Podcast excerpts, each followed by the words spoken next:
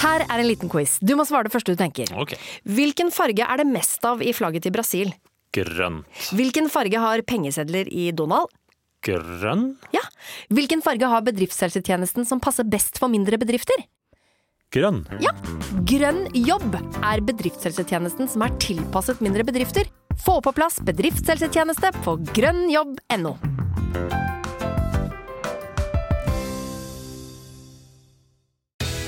Skal du pusse opp eller bygge noe nytt? Ikke kast bort tid på å lete etter håndverkere selv.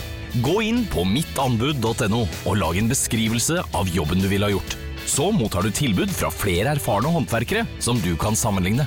Med mange tilbud er du sikrere på at du velger riktig bedrift, og at jobben blir skikkelig utført. Mittanbud.no få jobben gjort. Avhørt. Torpedoen og milliardæren del fire.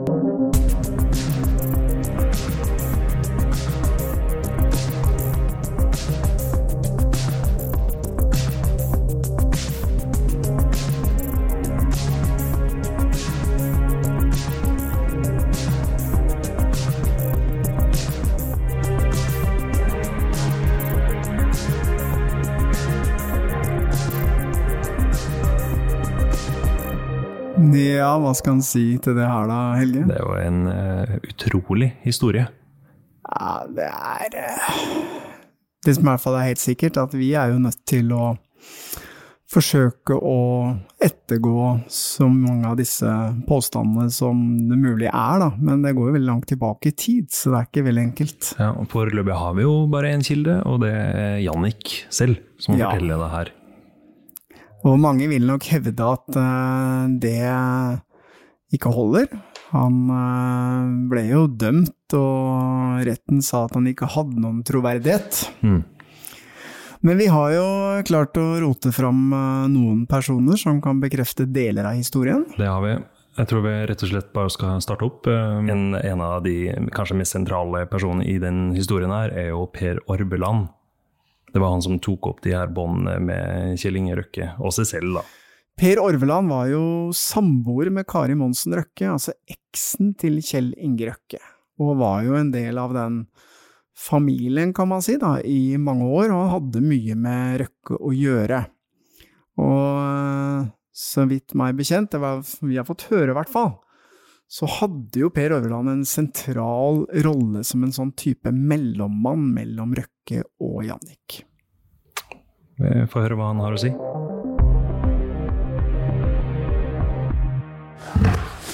Ja, oppdageren. Det er ikke oppdageren. Du, egentlig den har jeg lagt bort. Ja. Men eh, hadde jeg skulle tatt den, så hadde jeg sagt ifra, men jeg ser ikke noe poeng i det. Nei, vi tar opp, så Dere Du kan få det av oss. Jeg vil ha dere. Helt riktig. Vi tar opp alt. En slurk, En slurk vann, så er du klar. så er jeg klar. Vi hadde jo Jannik her inne, og han uh, fortalte jo oss en historie som uh, Ja, det er Det er jo som klippet ut av en eller annen Hollywood-film eller TV-serie. eller Man sitter jo bare med åpen munn og tenker Går sånt an i Ja. Norge? Ja. Fordi jeg, jeg vet ikke, jeg, jeg er kanskje, selv om jeg ikke trodde det, så er jeg kanskje litt naiv. Hvordan er det med deg, Helge? Jo, det er, jo- man blir jo sjokkert når man hører de tingene som blir fortalt om personer som man ser mye i media, og som man har en annen bevissthet rundt. Jeg har hørt noe tidligere, men man får jo sånne små drypp i mediene, men du får det jo liksom ikke i så detalj som vi fikk her. Og du kjenner jo kanskje til den eh, historien. Hvor godt kjenner du han? Jeg jeg kjenner Jannik veldig godt. Jeg har vel kjent Jannik i borti 40 år. Å, såpass lenge, ja. Ja da. Men eh, for min kompanjong Ulf Hagen var jo sportsklubben 09 og boksa, så disse idrettsfolka da besøkte oss på galleri. Og der kom også Jannik. Men kan si vi har eh, aldri handla bilder eller noen ting som Jannik, men vi har hatt litt også private eh, sammenkomster. Men du, eh, det jeg lurer kanskje aller mest på, det er jo disse opptakene. Kan ikke du fortelle litt om, for det er jo en del opptak av samtaler som du hadde med Kjell Inge Røkke. Og det jeg kanskje lurer aller mest på, er hvorfor det blir gjort opptak av disse samtalene? Altså, jeg, eh, ble jo i sin tid spurt om jeg kunne eh, overlevere penger fra Kjell Inge Røkke og til Jannik, som Ja. ikke han ville bli sett sammen med. Og jeg spurte en advokat om jeg kunne gjøre det uten å få straff. Ja, ikke sant? så, så han sa at det kan du godt gjøre, men du må ikke motta noe penger for å formidle det. Nei, så det Så det var greit at du liksom tok med deg pengene fra Røkke til Jannik, men ikke at du fikk betalt for det. Nei, for da kunne jeg få en straff for det. Ja. Og bli innblandet i hva som hadde skjedd. Hva var det han betalte for, da? Det aner jeg ikke. Nei. Men uh, etter det man hører av disse opptakene og disse samtalene, så tror jeg det er i, i, i henhold til denne båtsertifikatsaken. Ja, for Røkke blei jo dømt for å ha kjøpt seg et uh, båtsertifikat. Ja, riktig. Og uh, i den forbindelse så Ja, vi har jo fått historiene av eh, Jannik, sånn sett, så vi, vi vet jo hva, hva Røkke skulle betale for, men, men, Vi kan jo okay. gi en oppdatering. Men vi kan ta en liten eh, oppdatering hvis man har glemt hva som ble fortalt i forrige episode. Men det var jo vel sånn at Kriste Tromsdal, som var en litt sånn kjent figur i det tvilsomme finansmiljøet, vil man si, han har jo vært mye i mediene opp gjennom åra, han hadde vel noen eh, opptak, han også, som eh, eh, Røkke helst ikke ville skulle komme ut i offentligheten. Var det ikke sånn? Ja, jeg har forstått det sånn, som Ja. du sier. Da. Og da skulle Jannik fikse dette for Røkke. Eh, ordene som Jannik brukte var vel uh, 'fjerne Tromsdal'. Uh, og det endte jo med at uh, Jannik, og det fortalte han jo, skøyt Kristi Tromsdal i kneet på Frogner, så det, det var jo en alvorlig sak. Selvfølgelig. Mm. ja. Og da skulle du gjøre en tjeneste for, for Røkke, da. Uten at du helt visste hva det dreide seg om. Ja, jeg var ikke klar over, men jeg sa altså det så lenge jeg regner med at ikke dette er noe kriminelt. Ja. Men kan ikke du bare fortelle Ta den historien fra begynnelsen, liksom. Fikk du bare en telefon, eller hvordan var det dette kom i stand? Ja, jeg ble spurt om jeg kunne komme opp til Kjell Inge Røkke. Han lurte på om jeg da kunne være så snill å ta med noe penger fra han som skulle til Jannik. Hvor mye penger var det snakk om? Det dreide seg jo om eh, noen millioner, da. Noen millioner kroner. Ja. Som du skulle overlevere i kontanter, da, eller? I, kon- ja. Ja, ja. Mm. fikk jo ikke en sjekk. Så du fikk liksom bare utlevert noen millioner kroner Ja, ja. i, uh, Bærepose. i bærepose? Ja, Ja. Og tok med deg det? ja, jeg måtte jo det. Hvordan var det å gå rundt med flere millioner kroner i en bærepose? Jeg så vel ikke um, noe fare i det, liksom, ifra Aker Brygge og så rett hjem til, uh, til Jannik. Jeg så ikke noe fare i det, liksom. Men du spurte jo til å begynne med hvorfor jeg tok opp samtalene. Og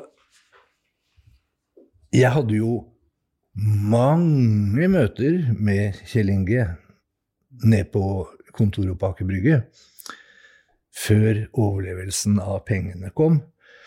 Men jeg så jo også hvordan han behandla Jan, Jannik. Det var hele tiden Nei, det blir neste uke, blei ikke nå. Måtte jeg tilbake til Janne. Nei, det blei ikke nå, det blir neste uke. Og, og du vet at eh, Jannik var jo ikke så veldig happy hele tida, da, så Men jeg sa du får bare eh, ta det rolig og pent, for han har lovt han skal komme med penger. Etter hvert som jeg så hvordan han behandla Jannik, og utsatte og utsatte og gjorde de tingene rundt denne utbetalingen, så begynte jeg å ta opp Ja, for din egen skyld. Din egen sikkerhet. på grunn av den 10 prosenten. Ja, det må du fortelle om. Det må du fortelle om. Hva slags 10% Men kan vi ikke ta det nå? Jeg tror vi må litt tilbake i tid altså, for å forstå din relasjon til eh, Røkke. Hvordan kjenner du Kjell Inge Røkke? Det er på grunn av det at jeg Eh, I høsten eh, 1995 eh, fikk et forhold til hans ekskone. Og etter kort tid så flyttet vi sammen. Så vi Det var jo da naturlig, eh, for de hadde jo to barn sammen. Og det var jo naturlig at eh, han også ville ha med de på ferie. Men da spurte han alltid moren og spurte meg om jeg ville være med. Og det syns jeg jo var eh, helt greit. Og jeg tok dem jo som mine egne barn, og, eh, for de var jo små. Så eh, jeg måtte jo også ta med av dem som jeg også hadde gjort og gjorde med mine egne barn. Satte ikke dem til side på noen måte. Og det satte Kjell Inge vanvittig pris på. Og moren hans, ikke minst. Eh, Så, så, så det var eh, grunnen til at jeg kom eh, inn eh, og hilste på Kjell Inge Røkke etter hvert. Ja, så du fikk en ganske nært forhold. Veldig nært. Hei, Kjell Inge. Her kommer bestekameraten din, vet du. Oi, varm på handa? Hvert hender og et kaldt hode, det er viktig. Ja, det har det alltid vært. Ellers Ikke så mye plagg på sida. er det ikke det. Ja, det er vel en vanlig gang. Oi, se her, ja. Men disse slipper jeg å vaske, dem. jo, men- du vet at det er dem som hadde telt opp. De euroene som du sa fingeravtrykk og sånn. Og likevel så sitter DNA-en der. DNA er verst, vet du. Ikke sant? Jeg husker ikke hvor mye det var. jeg. 20 000 euro eller noe sånt. Har du litt jul i år da, Per? Fy faen, ja. Eh, Så vidt jeg skjønte, så var det jo liksom en 10% som var litt av årsaken til at du tok opp disse samtalene. Men eh, 10 var det noe du var lovet da, eller? Han hadde i sin tid søkt, jeg tror det var rundt 1999, så hadde han søkt om å få et lån i, eh, i DNB på 4,7 milliarder kroner. I DNB i styret så satt Svein Aaser og Ingjald Ørbekk Sørheim. Svein Aaser var positiv til at Røkke skulle få lånet, men det var ikke Ingjald Ørbekk Sørheim. Nei, det var en uh, liten konflikt der i styret til DNB. en, Mm. det, jeg, internt der, det kjenner ikke jeg til. Men Kjell Inge tok opp dette her med meg. Og da sa han, Per, hvis du ordner dette her med Ingjald Ørbekk Sørheim, så skal jeg gullbeslå deg hele livet, og du skal få 10% av alle aksjene mine. Så han lovte deg 10% av alle aksjene sine for å f fikse det lånet. Ja, Hvilken relasjon hadde du til Sørheim, da? ingen. Ingen. Ingen. ingen. Det er et bra utgangspunkt. Ja. Men jeg, okay. Jeg visste uh, hvor han var til uh, visse tider. Okay, Så jeg kontakta han og snakka med han en del ganger. Og da fortalte jeg hvor flink Kjell Inge Røkke er Ja. i, som industribygger. Hvor flink han er til å snu bedrifter. Og da sier jeg til Ørbøk Sørheim Og så skaper han arbeidsplasser. Ok, Så du kom med informasjon om at Røkke var en dyktig forretningsmann til Sørheim. Hadde du noe annen informasjon å komme med? Ja, jeg hadde også en annen viktig informasjon som jeg mener er utslagsgivende for at Sørheim stilte seg positivt til lånet. Ok, Hvilken informasjon var det, da? Det ønsker jeg ikke å gå noe nærmere inn på. Nei, men du mener at det var utslagsgivende for at Sørheim stilte seg positiv til lånet til Røkke? Ja, jeg fikk en telefon senere fra en journalist som ville ha dette ut. Og journalisten ringte meg 6.6.2013. Og journalisten sa at hun hadde snakket med noen. De var sikre og meget troverdige kilder. Og at det var du, Orvland, som hadde ordna så Kjell Inge Røkke fikk lånet og ikke i konkurs. Og dette ønsket de å få ut. Men det blir aldri noe av. Nei, du ville ikke fortelle om det. Ikke der og da. Men du, jeg har litt inni kroppen min, i huet mitt, som jeg må si til deg, Kjell Inge. Som er, og det vil jeg gjerne lese opp, før jeg skriver det. Det bare river jeg ikke etterpå, men jeg må bare få det ut av huet mitt. For det er en del som du og jeg hadde blitt enige, som ikke har skjedd. Så her får du det, svart på hvitt. Um, det er vel jeg som har gjort mest for deg i livet ditt. Utenom den som har tjent penger for deg. Og det er klart, det begynte jo i sin tid på Lipp, som jeg skulle ordne noe for deg. Så sier jeg Per det skal du få 10% av actionene mine. Ikke sant? Ja, ja, jo, men vent, nå skal jeg prate. Hør nå. Og i Dubai i 1999 fikk du opplysninger av meg som du hadde spurt om når det gjaldt han Ingvald, eh, Ingjald Ørbekk Sørheim. Og for det så skulle du gullbeslå med resten av livet. Ja, men det er ikke noe, det er ikke noe jo, Vent litt nå. Og det er klart, det var jo mye da som du kunne legge av grunnlaget for det du har klart, og de penga du har gjort i dag. Men de ti prosentene som du ble lovet av, har du fått dem, eller? Nei, men jeg har jo fått noen, som det har stått i media, noen millioner, over fire millioner. Og det regner jo jeg som en nedbetaling på vår avtale. Ja, ikke sant. Men fire millioner er kanskje ikke mye i forhold til Jeg tror ikke det i forhold til 10% Når var det sist du fikk utbetaling fra Røkke? Det eh, husker jeg ikke. Men jeg fikk jo et, eh, et oppgjør på, på en overføring på tre millioner. Og de andre pengene fikk jeg i kontanter. Ok, du Ja. fikk det kontant, ja. Ja. Mm. Men jeg fikk en sjekk på tre millioner, og så kjøpte han noe kunst av meg som han betalte 250 000 for. Yes. Jeg snakket med Kari. Så tror jeg at hun eh, kan gi deg et uh, samboer... Uh, altså uh, oppgjør etter samboerskapet. Og hun kan gi deg tre millioner kroner. Det er skattefrie kroner. Det kan du ha på vanlig måte. Så kommer du til meg en gang i året de neste ti åra. Da selger kunstnerne for 250 000 kroner i, eh, i 1. desember. Da, mellom Kari og det jeg kjøper kunst, så er det da 5,5 millioner kroner pluss det du har fått. Da har du, da har du fått rydda opp i gjelda di. Du har 1 million på bok. Og du har en eh, nettoinntekt på 250 000 kroner i året. Dette er jo langt ifra hva du har forespeila meg, Kjell Inge. Langt ifra. Jeg hører hva du sier, Per. Ja. Jeg hører hva du sier, men uh, Jeg hører hva du sier, men jeg syns det er nesten uh, Skulle jeg tatt hvert et ord du har sagt til meg bokstavelig gjennom åra. Hm? Skulle jeg tatt hvert et ord man sier bokstavelig i, i en situasjon. Så det vi forstår ut av det, er jo at eh, Røkke er ikke fremmed for at du skal ha noen kroner. Så det ligger jo en erkjennelse her at du har gjort en jobb for han. Ja, Ja. og det var også Ellers hadde han jo ikke betalt. Nei, det vil jeg ikke tro. Nei.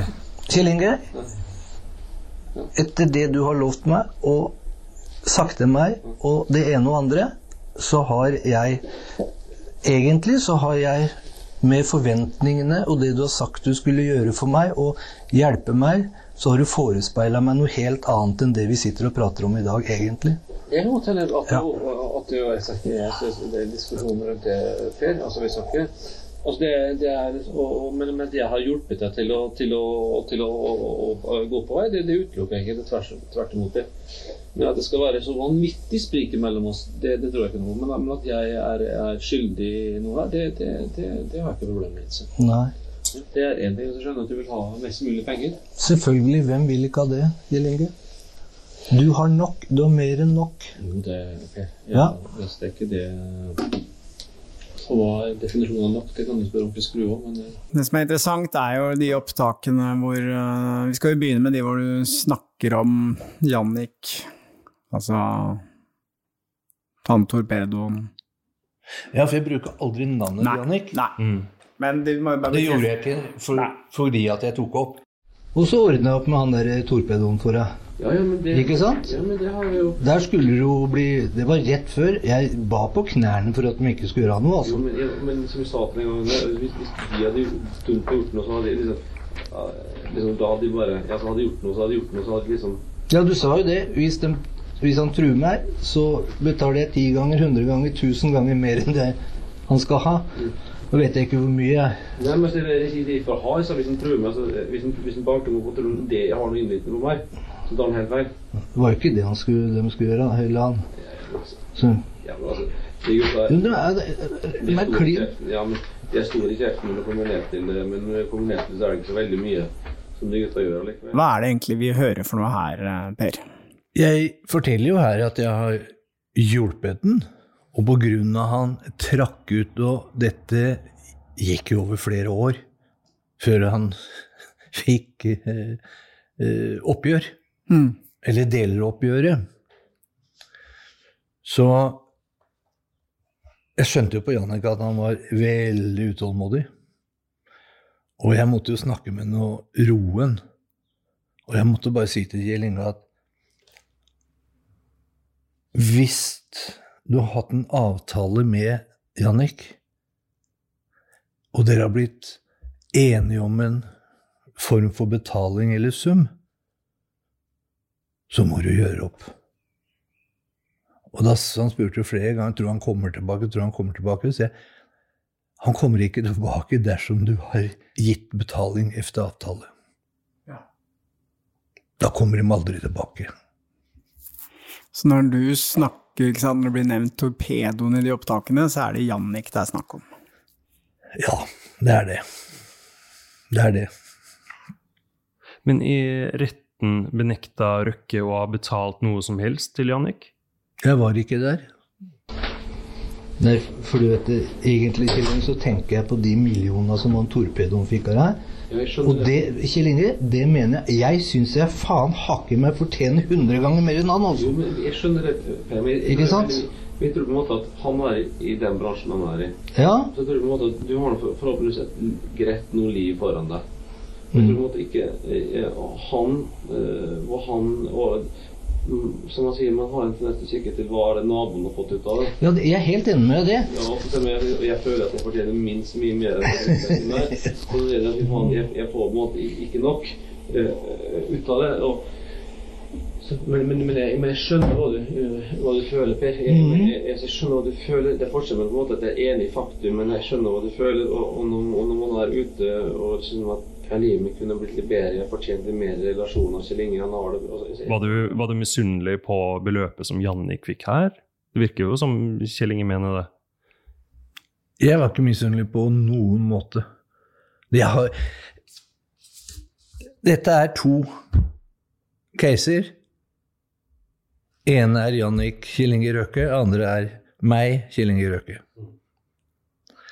Så det er helt atskilt, de to sakene der. Jeg hjalp Kjell Inge for å være snill mot den. Så han slapp å fly rundt med penger og, Og plastposer. og plastposer. Så det er derfor jeg gjorde det, for å hjelpe Kjell Inge. Men samtidig så hadde du i tillegg hjulpet han å få det til lånet som han hadde lovet deg penger for, da. Ja, det er riktig.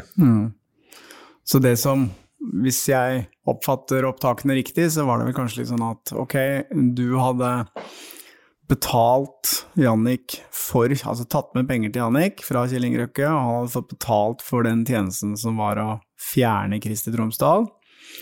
Men du hadde gjort han egentlig en mye større tjeneste, i den forstand at du hadde hindret han fra å gå konkurs, og følte vel kanskje at øh, du skulle få det du var lovet du òg, da? Eller misforstår jeg det riktig? Ja, det, nei, det er helt riktig, det. Jeg, jeg ville jo gjerne at han skulle gjøre fullt ut uh, med meg Ja, det skjønner jeg. på de ti prosentene. Ja, det forstår jeg. Ja. Hva ville det tilsvart, da? Det er jo en milliard, eller noe sånt? Nei, altså, han sier til meg Per, 1,7 milliarder, vet du. Det er jo 10% av det jeg eier, det. Og det er mye penger. Altså, eh, Røkke og måten han prater på, eh, er det der sånn, sånn han slenger ut av seg, eller oppfatter du det som en faktisk avtale? Jeg oppfattet det 100% som en avtale. Du fikk et oppdrag, og det var å overtale den bankpersonen. Helt riktig. Kjell Inge og jeg har alltid hatt en fin tone imellom oss. Og hatt mange hyggelige og fine samtaler. Vi snakka også i tider om disse ti prosentene. Og da svarte han meg alltid at eh, Per, den som venter på noe stort, venter ikke forgjeves. Og så kom jeg på kontoret til Kjell Inge. Eh, Det var jo forbindelse med da Jannik og penger. Men det, han sier jo når jeg kommer inn der, og det var 10. mars 2009, så sier Kjell Inge til meg at hvordan går det med aksjene våre i dag? Så sier jeg aksjene våre? Så går Kjell Inge bort til datamaskinen, og så åpner han, så sier han, å fy søren, de har gått opp 5% i dag. Og da sier jeg, fy fader, hva utgjør det på den 10% min da? Så sier Kjell Inge, du, da er du rik, gitt. Da er du rik, gitt, sier han. Hva går aksjene våre, da? Aksjene våre 5 opp fem. Å fy faen, hva utgjør det på den 10 min da? Da er jeg rik, ja. Flott. Så da, da tenkte du at han kom til å holde det han lovet? Ja, selvfølgelig. Jeg regner med det. 10% aksjer, har du sagt? Ja, men Per, hør på Ja. ja. men herregud. hva er det Herregud. Ja, men Per, altså, jeg, jeg skal ha en, sånn samtale rundt dette her og begynne å ta opp sånne ting som du kunne ha sagt i halvfylla, eller hva faen. Halvfylla. Ja, det var- 10.3.09, når vi hadde det møtet, så sier du hvordan går det med aksjene våre da? Sier du, Ja, men- aksjene våre, sier jeg. Ja. Opp 5 Å, fy faen, hva utgjør det på de 10 prosentene? Da er du, da er du rik, gutt, sier du. Per, per, Da er jeg rik, ja. Det var fint men, flott. Men, du, men du kan velge hva du vil sjøl rundt det, hvis, hvis det er på det nivået der. Altså, skal liksom eh, Altså, det er imbisilt, liksom. Men det var ikke noe Du fikk ikke noe skriftlig, det var liksom muntlige avtaler? Men det var muntlig hele tiden. Ja. Det var det. ja. Jeg, jeg, eh, jeg regner jo han som en ordholden mann. Ja, du stolte på han. Så jeg stolte på han. Så jeg regna med at han ville, ville, ville gjøre opp dette, og han sa jo det. Bare bli ferdig med dette med Jannik, bare bli ferdig, så dette roer seg ned. Da ordner vi opp her, sa han til meg hele tiden. Og det er klart, når jeg har fått penger av deg, og sånn som det òg, så sier du til meg ja, du får ta disse småsmulene, for dem som venter på noe stort, dem venter jo ikke forgjeves. Ja, men det er bare hva du har sagt. Ja, men jeg tror du strekker det Jeg tror på meg, altså, helt, helt ærlig, Per, Ja. jeg tror du strekker det litt, eh, litt nå, eh, Per. Hvis du ser de småsmulene som du da eh, og slår sammen de beløpene, Ja da. så, så eh, la oss si sånn For de fleste mennesker etter skatt, så, så er det Jeg er enig i det. Jeg er enig i det. Men hvis vi går litt tilbake til eh, den jobben som du gjorde for Røkke i, i forbindelse med Jannik, Ja. så, eh, så var det vel, så vidt jeg har skjønt, eh, litt mer enn bare en leveranse med millioner i en plastpose. Kan du fortelle litt om uh, hva som egentlig skjedde? Ja, det var jo alltid diskusjon om hvordan han skulle få gjort opp dette her kontant, da. Så en gang så fikk jeg jo bærepose av Kjell Inge Røkke på hans kontor på Aker Brygge. Som jeg kjørte rett hjem til Jannik. Og en annen gang som jeg skulle eh, også overlevere penger, så fikk jeg av Kjell Inge bare en lapp med romnummeret på Bristol hotell. Et romnummer på hotellet? Ja, visst. ja, ja. Ok. Så dit kunne jeg eh, dra, og der var det penger til Jannik. ok, så du dro dit da? Ja, jeg gjorde det. Jeg dro på Hotell Bristol, og der var det en som åpna hotelldøra på det rommet, og dette var en engelskmann. som ga meg en bærepose hvor det var forskjellige valutaer i. Vet du hvor mye penger det var? Jeg sier vel en, Det er en gang som jeg gir Jannik en bærepose, så sier jeg å, her er det i hvert fall to millioner kroner. Det sier jeg under opptak, for det regner jeg med jeg kjente på tyngden. Ja. Fordi at eh, At eh, vi vet jo omtrent hvor mye Kan du si en, En million en veier. med million, hva det er? Nei, jeg vet ikke. Nei. Aldri, aldri holdt en million i, i en bærepose. Jannik? Ja. Jeg er på soverommet. Å ja. Nei. Så er det han med et par, par bæreposer til deg her. Det er vel i hvert fall et par millioner. Ja, Se her. ja, takk skal du ha. Jeg har fått den, eller? Nå? Ja, jeg har vært og henta dem hos Kjell Inge nå. På Narvesen. Ja. Ja. Men nå skulle det komme kontinuerlig, sa han. Alt sammen etter hvert. Ja, Det dere, det dere hadde blitt enige om. Ja. det er bra. Uh, hva gjør du? Nei, jeg, jeg skal dra, jeg. Jeg skal drar videre, jeg, Jannik. Jeg eh, Ja. ja, blir jo skjelven i buksa av dette her, men det er greit. Nei, men det er bra. det.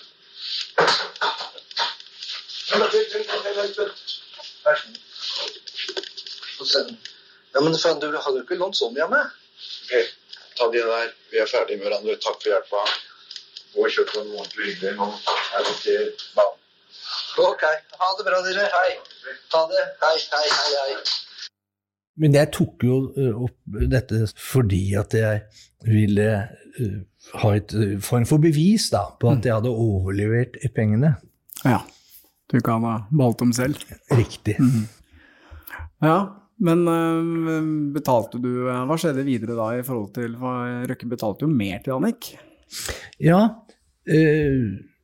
så ble det vel at jeg Jeg hadde jo hele tiden kontakt med Kjell Inge Røkke, og med selvfølgelig Jannik. Var jo på meg hele tiden, for han ville jo ha oppgjøret sitt.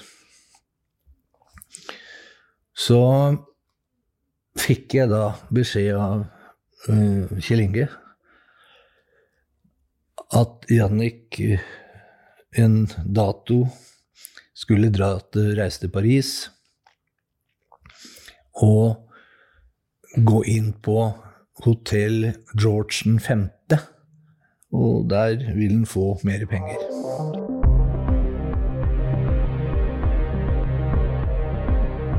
Fra den historien som Jannik forteller, så er det liksom den personen som jeg sitter igjen og har mest lyst å få tak i, det er jo den her eh, mannen som var med på den turen til Paris og mottok pengene, som angivelig skal komme fra Kjell Inge Røkke. Ja, fordi han er jo et vitne, egentlig. Kanskje en av de få vitnene vi har i denne saken her. Men eh, jeg snakket med Jannik, og han har ikke telefonnummeret til denne personen. Har ikke snakket med han på mange år. Men han hadde nummeret til en mellommann. En fyr som formidlet denne kontakten mellom Jannik og han som lånte penger av Jannik. Så jeg tenker vi skal ringe til han, og så prøve å få tak i han uh, som var med til Paris. All right, gi meg nummeret. Det er 40. Ja, god dag. Vi ringer fra podkasten Avhørt. Vi, har noen spørsmål i forbindelse med en, eh, en litt eldre sak. Ja. Ja, um... Etter litt eh, om og men og litt eh, telefonsamtaler og noen avtaler, så har vi endelig fått tak i han som var sammen med Jannik i Paris og, kan, og så disse pengene. Og eh, vi er veldig interessert i å høre hans historie, da, av hva som skjedde der nede. Ikke minst for å se om det stemmer med det Jannik fortalte. Du aller først, så er jeg litt sånn nysgjerrig på hvordan du kjenner Jannik. Historien går tilbake på midt på 2000-tallet. Så hadde jeg en bekjent i mitt område, nærområde, som jeg forespurte om han visste om noen kontakter for å ta et lån. drev egen næring på den tida, hadde behov for et lån på utsiden av vanlig bankfinansiering. Men hvorfor det, da? Nei, Da var jeg i en vanskelig situasjon, hadde gått på en investering som hadde blitt mye tøffere og vanskeligere enn vi hadde sett for oss, og var i akutt eh, knipe på, på tilførsel av likvider. Og alternativet var å, å selge eller gå konk eller å prøve å låne mer penger. Og det gjorde jeg, da. Lånte dyre penger. Så det var bakgrunnen min i det. Ja, alle steder da, så møtte jeg ham på Bjerkebanen i Oslo. Ja, han er glad i Bjerke. Det var der de hadde uh, møteplass. Ja, så det var egentlig første gangen du traff Jannik. Du hadde liksom ikke noe forhold til han uh, fra tidligere.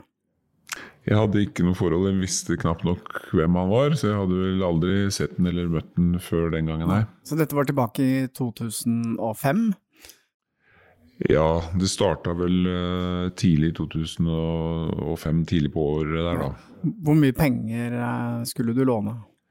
Eh, I, utgangspunktet så var det snakk om å låne halvannen million. Han var ganske tydelig på at det kunne la seg gjøre, men pengene måtte hentes i utlandet. Og hvor ble dere enige? Nei, det var ikke noe, ikke noe Det er bare at det var eh, Det var penger i euro og måtte hentes i utlandet.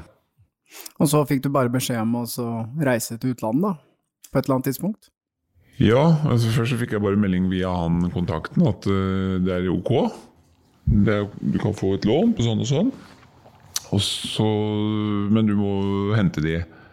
Og da var det først snakk om Jeg mener det var først snakk om England. Ok. Tror det var London. Og så var det bare øh, omgjøring av planene. Da fikk jeg bare beskjed om at du må Eller kan du være i Paris eh, om to dager klokka da og da? Det svarte jeg ja på. To dager. Tror det var ikke noe lenger, i hvert fall. Nei. Det var veldig kort. Men fortell om den turen. Ja, det var bare for meg da å hive seg rundt og booke flybilletter. Og jeg var jo som sagt i egen næring som jeg hadde anledning til å bare reise når det passa. Så jeg booka billett via København til Charles de Gaulle. Tok buss inn til Fikk ganske nøyaktig beskjed fra Jannik, da, for da hadde jeg direkte kontakt med han. Da hadde jeg begynt å få telefon eller melding fra han. For da var ikke han mellommann med på akkurat det. Så jeg var aleine på den turen. Tok buss inn til uh, i av Champs-Élysées, eller midt på Champs-Élysées, og gikk opp til uh, Café de Paris, som ligger rett ved Louis Vuitton-butikken. På en uterestaurant skulle han og kona sitte. Jeg tror klokka var tolv på formiddagen. Og så skjedde det. Og jeg gikk og møtte de, de satt der. Og etter en kort prat så gikk han av gårde rundt hjørnet. Tilbake med en, bare en, en eh, sånn shoppingpose. Og så Husker du hvilken type shoppingpose det var? Det var fra noe taxfree-opplegg, tror jeg det var. Eller fra en butikk. Altså, jeg er ikke helt sikker, men det var en spesiell sånn type tøypose eller noe, tror jeg. Tøypose? Ja, ja, altså Jeg er ikke helt sikker, men eh, ikke heng det opp i det. Jeg bare vet at det var en For pose. vår del så det, Ja. kan det være sånn detalj eh, s- For Jannik Det var i hvert fall ikke en veske eller noe dyre greier. Det var en slags type pose. Og ganske enkelt. Han sa i hvert fall følgende, som jeg ikke glemmer. Sånn er det når du har riktige gutter og du kan stole på. Ok, så han var Den, fornøyd. den setningen. Ja, han var fornøyd med å Sånn er det når gutta holder ord, eller gutter kan stole på. Det var noe i den duren. mm. Og hva skjedde videre? Da var det bare å få tak i en taxi raskest mulig. Og jeg visste ikke hva han hadde planlagt da, men da dro vi alle tre sammen til deres hotellrom. De hadde vært der fra dagen i forveien, tydeligvis. Opp med heis, inn på rommet, og ut på senga med pengene. Hvor mye penger da- var det da? Det var da halvannen million i 500 euro-sedler bunta inn. Helt nye, glatte, stive. Bunta inn med hva? Bunta inn med Scotland, Bank of Scotland. Bank of Ja. Scotland. Hva, hva, hva tenkte du da du så de her eh, Jeg hadde egentlig ikke tenkt så veldig mye på det her i forkant, i hele tatt, hvordan det skulle foregå, hva det var, men jeg hadde aldri sett en 500 euro før. For det er jo ganske uvanlig i vårt land. Så øh, det var vel noen øh, Jeg mener kanskje det var noen 200 euro der òg, men hoveddelen var 500 euro. Uh, det som skjedde, var at uh, det blei en liten fordeling der på senga. med Jannik tok noe av pengene som han skulle ha. Og eh, jeg kan ikke si akkurat hvor mye det var, men jeg mener at det ble en sånn 1,3 eller 1,350 eller noe i den turen, rundt 1,3 millioner som jeg tok med meg derifra. Men da du, da du sto på det hotellrommet og så alle disse pengene på senga, på noe som helst tidspunkt, spurte du Jannik hvor pengene kom ifra? Jeg tror han var ganske tydelig på at uh, ikke tenk på det, uh, når jeg stilte spørsmål om uh, det var noe kriminelt, for jeg var opptatt av det. Han sa ikke tenk på det engang. Altså, det er hans måte å svare på. Men jeg, jeg tror ikke det var noe han sa for å si det, det jeg tror at frykten hans for å, å bli blanda inn i det, det var på en måte eh, å skulle redegjøre for hvor de kommer fra eventuelt. Det virka sånn. Så jeg oppfatta det ikke som noe sånn eh, skurkeopplegg. Men det var jo mye penger og en litt rar måte å gjøre det på. Jeg hadde reist ut den dagen med en carry-on-bag med en genser og en truse i. Jeg skulle ikke være lenger borte, så jeg skulle bare ha noe tøy oppi. Så jeg plasserte pengene oppi der, og gikk ut og tok taxi da til flyplassen. Og de tok en annen vei. De reiste en annen vei, jeg vet ikke hvor de reiste henne. Men i hvert fall skiltes der. Jeg sa ingenting hjemme om hva jeg hadde gjort, og hva det gjaldt. Nei. Så når jeg kom hjem da, så var jeg veldig veldig spent på å lokke opp den kofferten. Altså, så. Så jeg gikk opp og, i, i stua og stabla alle pengene på salongbordet, altså bunkene med 500 euroer. Det bordet ble ganske fullt. Så knipset jeg et bilde av det. For å, det visste jeg til han eh, kollegaen. Da hadde, jeg visste ikke til så veldig mange andre, for jeg ville fått forklaringsproblemer med hva det her er. Men, eh, Til, til mellommannen, eller? Ja. ikke sant? han fikk også se det. Så hadde vi vært mer påpasselige, eller hvis det var viktig, så hadde vi vel hatt et bilde av det i dag. For Og det bildet borte i dag? det er noen telefoner siden, og det lå jo på harddisken på telefon. da, på en måte. Det lå ikke inn på Ja, jeg har ikke den telefonen heller. Men gjorde du deg noen tanker om hvor disse pengene kom fra? Og jeg var jo redd for at de kanskje kom fra noe kunne være noe kriminelt. Og så spurte han ikke om det, om det var det, og det var han tydelig på at det ikke det var. Og så har jeg jo hatt mine tanker i ettertid på hvor det var, men eh, jeg blei vel egentlig klar over hvor de kom ifra når jeg fulgte den rettssaken som var eh, for en tid tilbake. Da skjønte jeg jo at det var meg som hadde vært og henta noe penger i utlandet som var snakk om. Hva var det som kom frem i rettssaken som gjorde at du Det kom jo fram påstander fra, eller eh, forklaringer fra Jannik at han hadde vært mottatt store summer i utlandet. Og, og jeg skjønte jo at han snakka sant, for jeg har jo vært henta av de, noe av de. Hvilke tanker gjør du det, eller gjorde du det da du så at uh, det kom påstander om at de pengene kom fra Kjell Inge Røkke? da? Jeg satt og så på den rettssaken, så skjønte jo jeg at jeg var på en måte involvert i den saken mer enn litt. For jeg skjønte jo at jeg hadde vært og henta penger ifra han. Men du har ikke vært involvert i saken? Har du vitne? Nei. Det jeg gjorde etterpå med det forholdet mitt, var at uh, vi avtalte en tilbakebetalingstid. Og når han kom tilbake og skulle ha pengene Jeg tror jeg også forlenga den litt, for jeg trang litt lengre tid. Jeg betalte renter for det, men jeg betalte hele beløpet tilbake til han på eh, ærlig og lovlig og skatta, skatta penger. Så en dyr affære for meg å låne de pengene, men det var nødvendig. Men jeg, jeg gjorde opp alt med han da, så da var vi ferdige med hverandre. Jeg har ikke hatt noe forhold til han verken før eller etter det. Hvis det blir uh, gjenåpna den saken her, det er jo det Jannik eh, ønsker å jobbe for, eh, hvordan stiller du til å skulle vitne da i ny Jeg vet ikke, altså. Jeg, er, eh, jeg, er, jeg tenkte litt da og tenkte litt etterpå nå at håper at det ikke blir noe av det. Ok. Ja, bare for å slippe det der eh, opplegget rundt det. Jeg syns det er slitsomt. Det er jo et sånt sirkusopplegg, syns jeg. Jeg så jo de som kom inn og skulle vitne, og de så ikke sånn kjempetrivelig ut. Nei, nei, nei, jeg er helt enig. Det var et voldsomt presseoppbud og Ja. mye oppmerksomhet. Men man kan jo kreve å ikke bli eh, eksponert når man er et vitne. Jeg, jeg har ikke noe problem med å sitte til politiet Nei. og si det som jeg sier nå, for jeg står ved det. Ja. Jeg har vært der, Don't that, som vi sier. Ja.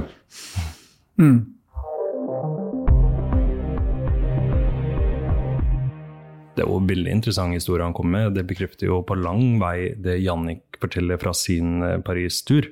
Det bekrefter at Jannik var i Paris og tok imot disse pengene i euro. Bekrefter også at disse pengene mest sannsynlig kom fra Bank og Skottland.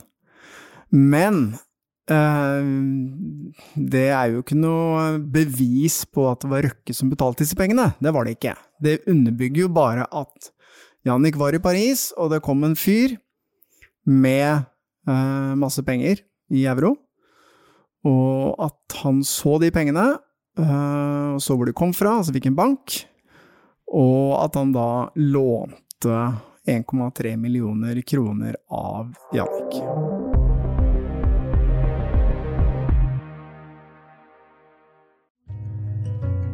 Hvis du setter pris på Avhørt og syns at den jobben vi gjør er viktig, så kan du støtte oss ved å vippse til 8075 99 eller søke opp Batong Media i vips appen Og vi setter stor pris på alle bidrag, store og små.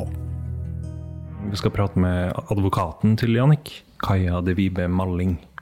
Det er nok et uh, godt sted å begynne, og så høre hva hun har å si til alle disse tingene, og eventuelt hva muligheten er for Jannik for eventuelt å få gjenopptatt denne saken, for det er jo det han ønsker. Han mener jo at han har blitt utsatt for et justismord. Ja, hallo! Kaja. Hallo! Hei, Kaja. Hei. Hei. Du var advokaten til Jannik eh, i, i den saken her. Hvordan gikk den rettssaken fra ditt ståsted? Nei, det gikk jo ikke sånn som vi eh, hadde håpet for, eh, for Janniks del. Han ble sett på som totalt uh, utroverdig. Det gjorde han. Hvor, hvorfor det, da? Det kom som en overraskelse på oss, egentlig. Den, han forklarte seg godt i retten, svarte på veldig mange spørsmål. Men allikevel så konkluderer de med at han har null troverdighet. Jannik har jo sagt til oss at han holdt inn bevis for at han var så sikker på at saken skulle bli prøvd en gang til i lagmannsretten. Har du noen kommentar til det?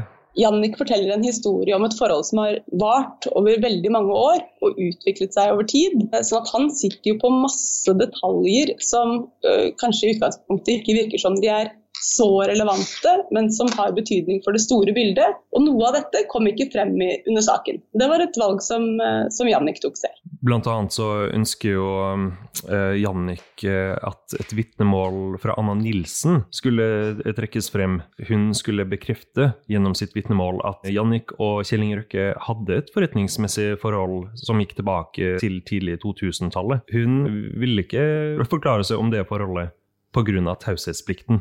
Det stemmer. Uh, Anna Nilsen var stevnet som vitne i saken. Og det, uh, det vi ønsket at hun skulle forklare seg om, det var jo samtaler som hun hadde med Jannik. hvor Jannik hadde fortalt henne ting mange år etter at klientforholdet mellom Andenes og Røkke var avsluttet. Og det mente vi da, og mener fortsatt, at ville vært uproblematisk for henne å forklare seg om. Men er det en trussel for rettssikkerheten at man bare kan gjemme seg bak en taushetsplikt og ikke fortelle hva som har foregått? Det vil være til alles fordel om advokaters taushetsplikt blir ordentlig avklart. Fordi at man, sånn som det er nå, Taushetsplikten er fryktelig viktig for oss advokater. Sånn at det er viktig for alle å vite hvor langt den strekker seg.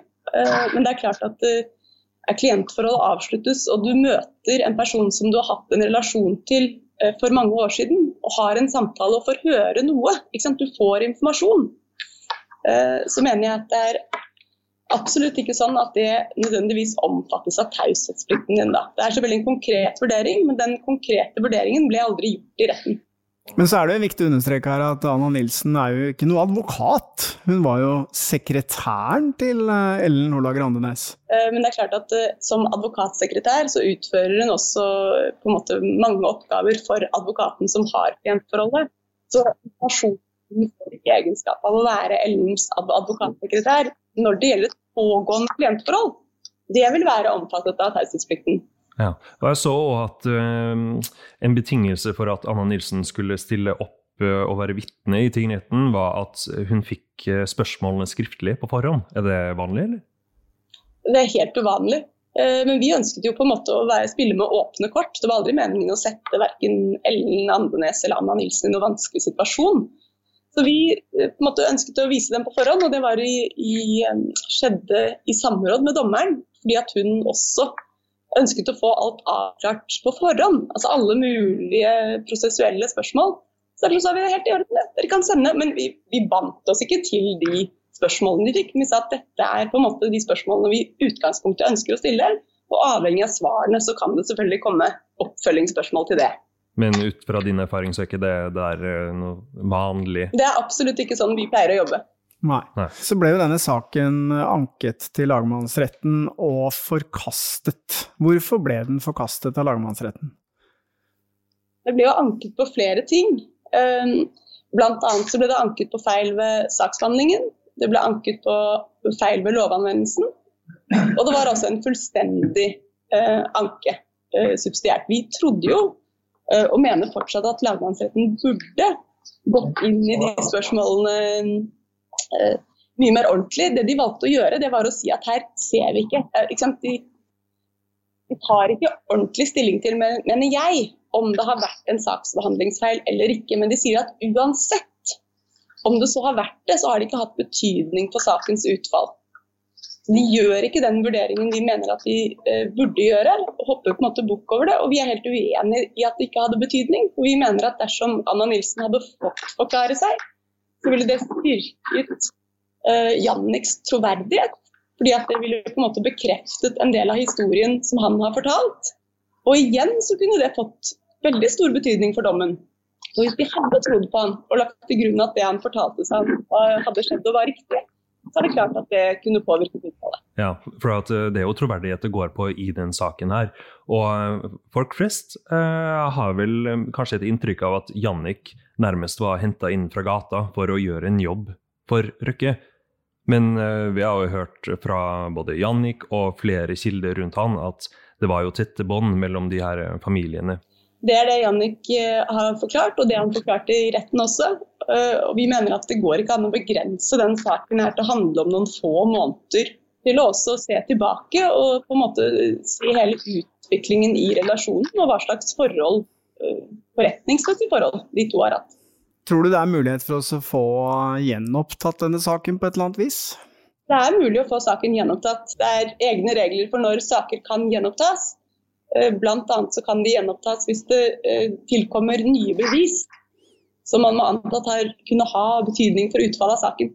Og vi mener at i denne saken eh, så kan det være tilfellet. Jannik sitter på mye informasjon om forholdet til Røkke og hva som har vært relasjonen mellom dem. Og på bakgrunn av informasjon fra han og andre, så er vi i gang med å arbeide med en gjenopptakelsesbegjæring nå. Det er jo veldig mange advokater som blir omtalt i den saken her. Um, og jeg blir liksom nysgjerrig på hvordan advokatene i Norge arbeider. Ja, man blir jo eh, man, Hvis vi skal tro på mye av det som blir fortalt, så blir man jo Altså, jeg har jo alltid trodd at disse advokatene var eh, redelige og, og fulgte spillereglene, men uh, man blir jo litt i tvil. Så derfor er det jo kjempefint at vi uh, har deg her nå, Sigurd Klumseth. Så vidt jeg forstår, så var du advokaten til Per Orveland på et tidspunkt? Ja, og Per Orveland så har jeg bistått han i 2012, og så kom han tilbake i forbindelse med at han uh, hadde pågang med ønske om avhør fra politiet i en sak som uh, uh, gjaldt Røkke og Janik, som jeg kjenner bare ved navn fra tidligere, så jeg hadde ikke noe forhold til noen. Men så har vi også hørt Per Orveland fortelle at han fungerte som en slags mellommann mellom Kjell Inge Røkke og Jannik. Mm. Og at han blant annet eh, bar med seg to millioner i noen plastposer, overleverte de pengene. Og at han videreformidlet en beskjed om at Jannik skulle reise til Paris for å motta restbeløpet som var 869 000 euro. Eh, hva tenker du om den historien? Jeg har, så langt det er mulig for meg iallfall, gjort undersøkelser om hvem Per Orveland er, hva han står for. Han nøt jo stor tillit i de miljøene iallfall jeg har vært i kontakt med. Fra mitt ståsted så er det naturlig for meg å ha tillit til det Per Orveland sier også om dette. Mm. Men I båndopptakene så hører vi, eller vi hører også at uh, Per Øverland og Røkke snakker om disse tingene. Og da sier for eksempel eh, Orveland at eh, jo, men jeg ordna jo opp for han torpedoen for deg, og han hadde betalt millioner. Men i rettssaken med Jannik så sier jo da Røkke at han aldri har betalt Jannik. Hva, hva tenker du om eh, dette her, hvem er det som er mest troverdig? Fra mitt ståsted? Ja. Per Orveland. Ja. Disse båndopptakene, altså, kan man liksom trekke den konklusjonen at Røkke faktisk har betalt torpedoen, som i dette tilfellet, i hvert fall ifølge Orvland, er Jannik? Jeg skal yte alle den rettferdighet at jeg har ikke snakket med Røkke om dette. Jeg har ikke satt meg inn i den delen som er hans ståsted. Jeg har forholdt meg til Per Orvland. Og ut fra mitt, mitt ståsted og min kunnskap til hvordan man skal vurdere utsagn osv., så, videre, så fremstår det som Per Orvland sier, som godt dokumentert. Hvorfor ble ikke disse båndopptakene hvor Røkke nærmest bekrefter at han har betalt torpedoen, altså Jannik ifølge Per Orvland, av i rettssaken til Jannik? Hvorfor det ikke ble avspilt, vet jo ikke jeg, men uh, sånn som det fremstår for meg, så må det være en stor mangel ved sakens uh, fremføring fra påtalemaktas side. Og jeg var tilhører nesten i en rettsdag. Og ut fra det jeg kan lese meg til av rettsbok og dom, så ble ikke dette en fair trial mot Jannik. Jeg tenker på den bevisavskjæringen som ble gjort med påberopelse av taushetsplikt. Eh, en advokatsekretær har etter min oppfatning ikke taushetsplikt for en sak som er avsluttet for lenge siden om så sentrale tema. Eh, det er mitt ståsted. Vet at eh, Min erfaring er at når personer påberoper taushetsplikt, og det er for forhold som iallfall ligger i ytterkanten av det som er naturlig å påberope for, så er det for å skjule noe. Og jeg oppfatter det slik at her er det for å skjule det som er eh, de fakta som eh, er fremført av Orvland, og som er fremført av Jannik. Og Jannik eh, forsøkte jo å få saken gjennomtatt, men fikk avslag både i lagmannsretten og i Høyesteretten. Hva tenker du om Ja, Han anket vel over det, en del av det som Ja, gjenopptatt, du mener ny behandling? Ja, en anke. Jeg, jeg mener at det er grunnleggende menneskerettighet å få sin sak i straffesaker behandlet to ganger. Hvorfor vil man nekte en person å få sin sak behandlet to ganger? Det ene er tilliten til systemet, og det andre er økonomi. Eh, Jannik var jo en profilert mann innenfor sin sjanger, altså på det nivået han var.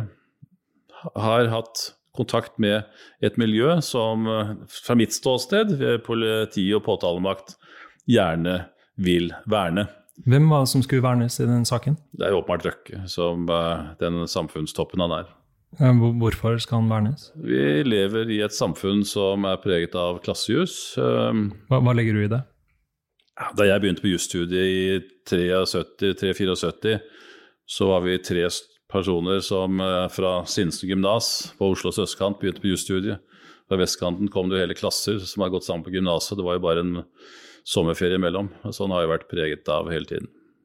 Det er, eh, det er en del av det jeg er opptatt av hver eneste dag. Og kjemper for at det skal være rettferdighet. Alle mennesker likt vurdert. Sånn så det, det du sier her at i det norske rettsvesenet så er det, er det ikke likhet for alle. Det er uh, forskjell på, på, folk. Det er min erfaring og oppfatning at uh, sånn er det.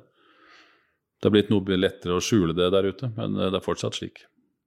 Mm. Jeg bare lurer på om du kan høre på noen opptak av Per og Røkke?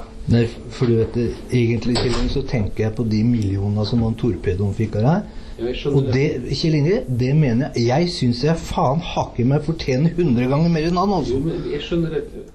Hva tenker du om reaksjonen til Røkke her, når Per Orveland konfronterer han med de millionene som han har betalt den torpedoen. Ja, For det første er det viktig å sette dette i en sammenheng. altså Hvordan kom denne samtalen i stand? Hvor fant den sted? Hvem var det mellom? Det fremstår for meg, ut fra det kjennskapet jeg har eh, til Per Orvland, så var jo dette et tillitsforhold bygget over tid. Og det var eh, venner som snakket seg imellom, og snakket åpent seg imellom. Og eh, ikke noe fleip eller tatt noen øl sammen. Og han, er jo ikke negativ. Han nekter jo ikke for det som Orveland sier. Ja, jeg veit det, Ja, jeg sier kommer til det. Ja. Han, han, tvert imot så sier han jo positivt om dette. Og øhm, jeg har forstått slik at disse samtalene ikke blir avspilt i tingretten. Det kan jeg love deg. Hadde jeg vært forsvarer, så hadde det vært spilt. Det har vel også offentligheten fått innsyn i en verden som mange, svært mange vil jeg tro, ikke aner eksistensen av. Men jeg bare lurer på en ting, eh, for det som har vært argumentet til påtalemyndigheten, har jeg skjønt, er at det som har skjedd tidligere, er helt uinteressant for eh, denne saken mot Jan Erik, da han ble da dømt for utpressing.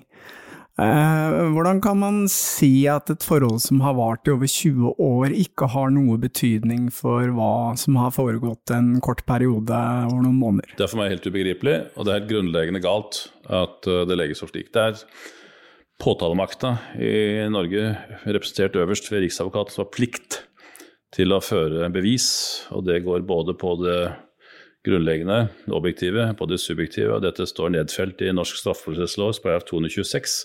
Og det ble også inntatt av Riksadvokaten i det rundskrivet som han fant det nødvendig å gjøre etter Birgitte-saken i 98, nemlig rundskriv eh, desember 99, hvor han snakker om at dette er grunnleggende. Det er også regulert i menneskerettserklæringens artikkel 6.1 at man skal ha en fair trial. Men hvis vi, eh, Jannik, ønsker jo at eh, saken hans skal bli gjenopptatt.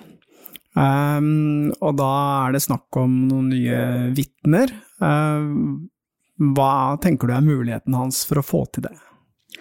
Min oppfatning, som jeg forfekter også i offentlighet generelt, er at eh, gjenåpningsmuligheten i Norge er svært svekket etter vi fikk innført eh, kommisjon første, i første 2004. Eh, Lovgiveren, altså Stortinget, var veldig opptatt av at han skulle få en bedre rettssikkerhet og en bedre gjenåpningsmulighet enn det som har vært tidligere. Det er tvert imot blitt dårligere, det ser man jo på saker som ruller og går. Og um, da må man gjøre det som her er, nemlig avspille og vise til at det ble gått eh, grov urett. Eh, man må vurdere om det ble gått, begått straffbare forhold. Det er en ubetinget gjenåpningsgrunn. Hvis det er slik at politi og påtalemakt satt på denne type bevis i form av lydopptak osv., samtaler som nå er spilt av her også for meg, som jeg kjenner fra tidligere, og har gjort det bevisst for å unngå at det skulle bli belastning for den påstått fornærmede og hindre at uh, tiltalte ble frifunnet, så er det etter min oppfatning eh, straffbare forhold. Men hvis Jannik blir nektet å gjenoppta saken, hvilke muligheter har han utover det? Ja, Han eh, har jo mulighet for å gjøre den øvelsen flere ganger. Eh, det er definert slik at menneskerettserklæringens ulike artikler ikke gjelder for gjenåpningssaker. Eh, jeg mener jo det er feil, men eh, det er sånn det er. Norsk advokatstand. Vi har jo hørt noen påstander her om eh, informasjon som flyter frem og tilbake eh, på kryss av advokater og klienter. Har du lyst til å si noen ting om Elden, Holden, Andenes, Nilsen, måten de opererer på?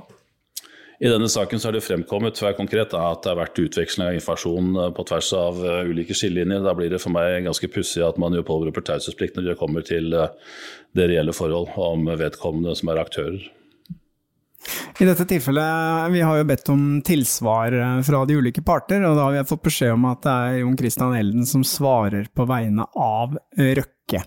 Men Elden var jo også vitne i saken mot Jannik, er ikke det en veldig sammenblanding av roller? Jo, jeg syns det er uakseptabelt. Det fremstår som um, man er med i en, en liten eksklusiv eh, klubb som verner om hverandre. Har du inntrykk av at denne rettssaken nærmest var rigget i favør av Kjell Inge Røkke, slik at uh, Jannik skulle bli dømt for uh, utpressing overfor Røkke?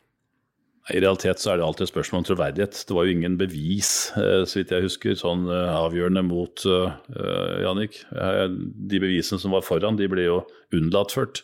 Nå er det slik at den som blir dømt, vil jo ofte oppfatte det feil, men her er det etter min oppfatning sjeldent godt dokumentert at grunnleggende menneskerettigheter for Jannik, bevis som var tilgjengelig, ikke ble ført, ikke ble gjort kjent for retten. Og hvorfor ble det slik? Det må andre svare på enn meg. Med meg som forsvarer så vil det aldri ha skjedd. Aldri. Ja, Helge, det var eh, fire episoder på nærmest eh, på rappen. Mhm. Og det har vært eh, mye jobb. Du ser sliten ut. Har du sovet mye sist, eller? Nå tror jeg vi skal ta oss en liten pause. Dette var slutten på sesong nummer to. Og sesong nummer tre, den kommer i september. ja, 16 nye episoder. Jeg kjenner jeg blir litt sånn svett bare ved tanken. Men det blir gøy, da. Det skal bli kjempegøy. Det blir ikke Jeg vet ikke, det blir like heftig som det er. Vi får se. Avhørt er produsert av Batong Media. Redaksjonen vår består av Stein Morten Lier, Helge Molvær og Lars Christian Nygårdstrand. For å komme i kontakt med oss eller se eksklusivt innhold, søk opp Avhørt på Facebook og Instagram.